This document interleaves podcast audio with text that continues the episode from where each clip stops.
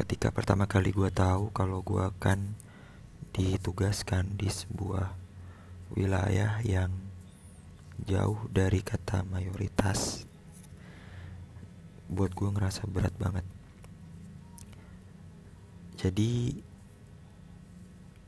mulai April ini gue udah bukan lagi sebagai orang Jakarta gue bukan lagi sebagai orang Jawa tapi gue adalah orang Papua. Iya.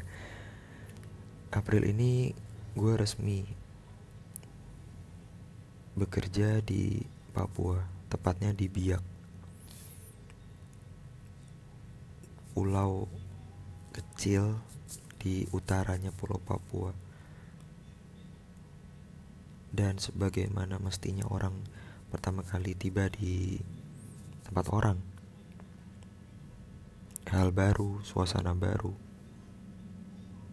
Pasti akan ada di mana kultur shock. Lu tuh kaget. Dan buat gua buat gua sebuah kultur shock itu wajar.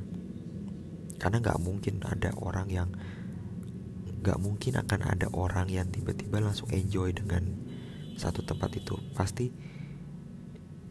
orang itu akan menyesuaikan diri. Sehari tiga lima seminggu sebulan bahkan. Atau kultur shocknya sampai enam bulan satu tahun kan. Setiap orang punya penyesuaiannya masing-masing. Nah gue sekarang di biak kultur shock yang gue rasakan pertama adalah perbedaan waktu antara Papua dengan Jawa. Ya dua jam. Dua jam tuh bukan angka yang kecil loh. Besar banget.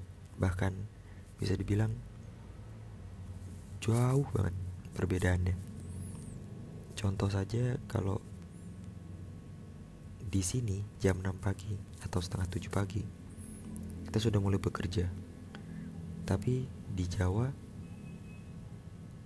mereka pun belum subuh. Ya masih setengah lima tuh belum subuh. Karena subuhnya itu kan bisa jadi di 5 kurang 15 menit. Di sana tuh masih gelap. Di sini sudah mulai bekerja. Kemudian di sini mayoritasnya adalah umat Kristiani. Banyak banget di sini sekolah-sekolah yang ada yayasan Kristianinya. Di sini tuh kalau bisa dibilang masjid dihitung dengan dengan jari aja bisa bahkan setengah jari pun bisa karena di sini gue baru nemu masjid aja itu tiga. Dua masjid besar satu musola. Dan ikoniknya muslim di sini ya salah satunya masjid apa ya Baitur Rahman apa? Gue sebutnya itu masjid hijau.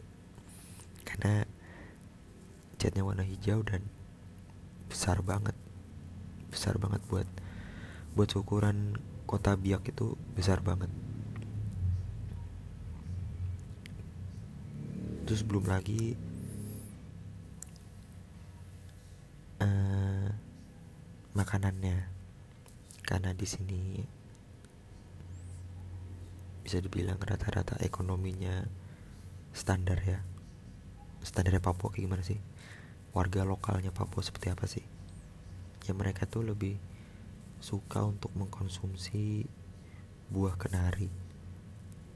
Buah kenari itu kalau lu makan dicampur dengan serai sama bubuk kapur itu akan menghasilkan warna merah.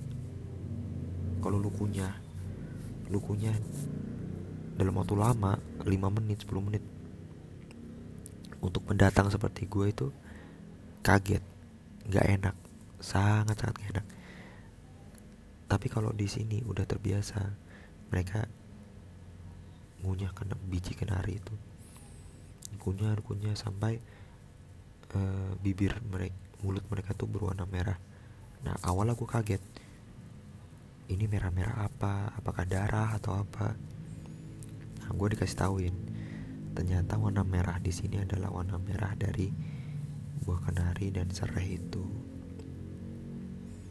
Itu juga orang-orangnya ya asal main ludah aja cuh sana cuh sini. Dia tuh nggak ngelihat ada nih gue kemarin baru ngeliat depan gue motor boncengan. Nah mo yang bawa motor ini tiba-tiba ngeludah aja ke kanan cuh gitu nah, gue kan kaget dong untungnya gue nggak pas di sebelahnya. Nyata pas gue perhatiin dia tuh nggak ngelihat nggak ngelihat kiri nggak ngelihat belakang. Asal main ngeludah aja. Kaget dong gue kalau yang nggak terbiasa pasti akan emosi ya. Pasti akan tersinggung. Wah diludah ini sama orang. Nggak enak kan terus dari itu dari tingkah lakunya orang-orang sini tuh ya seperti itu. Untuk makanannya di sini porsinya banyak banget. Bahkan istilah Portugal Portugal di sini tuh bekerja di sini. Porsi tukang gali banyak banget. Lu bisa beli nasi goreng untuk dua hari bisa di sini. Karena porsinya banyak banget. Bahkan yang yang rata-rata porsinya kecil saja seperti pecel lele atau apa di sini? Di sini nasi kuning. Itu pun nasinya kalau di Jawa kan nasinya porsinya ya dikit lah ya standar. Di sini tuh makan bisa tiga kali lipatnya. Dan gue tuh kaget. Gue tuh tipe orang yang nggak nggak bisa makan banyak. Karena semenjak ke sini kapasitas dari isi perut gue tuh udah mengecil. Karena postur badan gue juga udah mulai mengecil kan. Nah saat tahu porsi makanan di sini banyak banget. Bahkan sampai sampai tumbe-tumbe tuh gue kaget gue kenyang banget nih tapi nggak enak kalau nggak dihabisin. Kayak gue maksa buat habisin makanannya. Tapi keesokan harinya gue nggak makan. Jadi kadang tuh di sini gue makan sehari sekali. Nah lu bisa milih. Kalau misalkan hari ini lu makannya siang berarti kan lu gak makan malam gak makan pagi berarti lu makan siang nah untuk keesokannya terserah. Lu bisa makan pagi tapi gak makan tapi gak makan siang gak makan malam atau lu makan malam tapi lu nggak makan pagi nggak makan siang nggak makan malam. Dah pilihannya itu. Karena di sini porsinya banyak banget.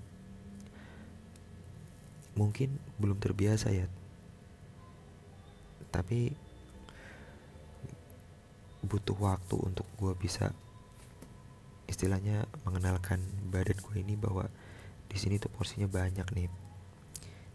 Itu banyak banget.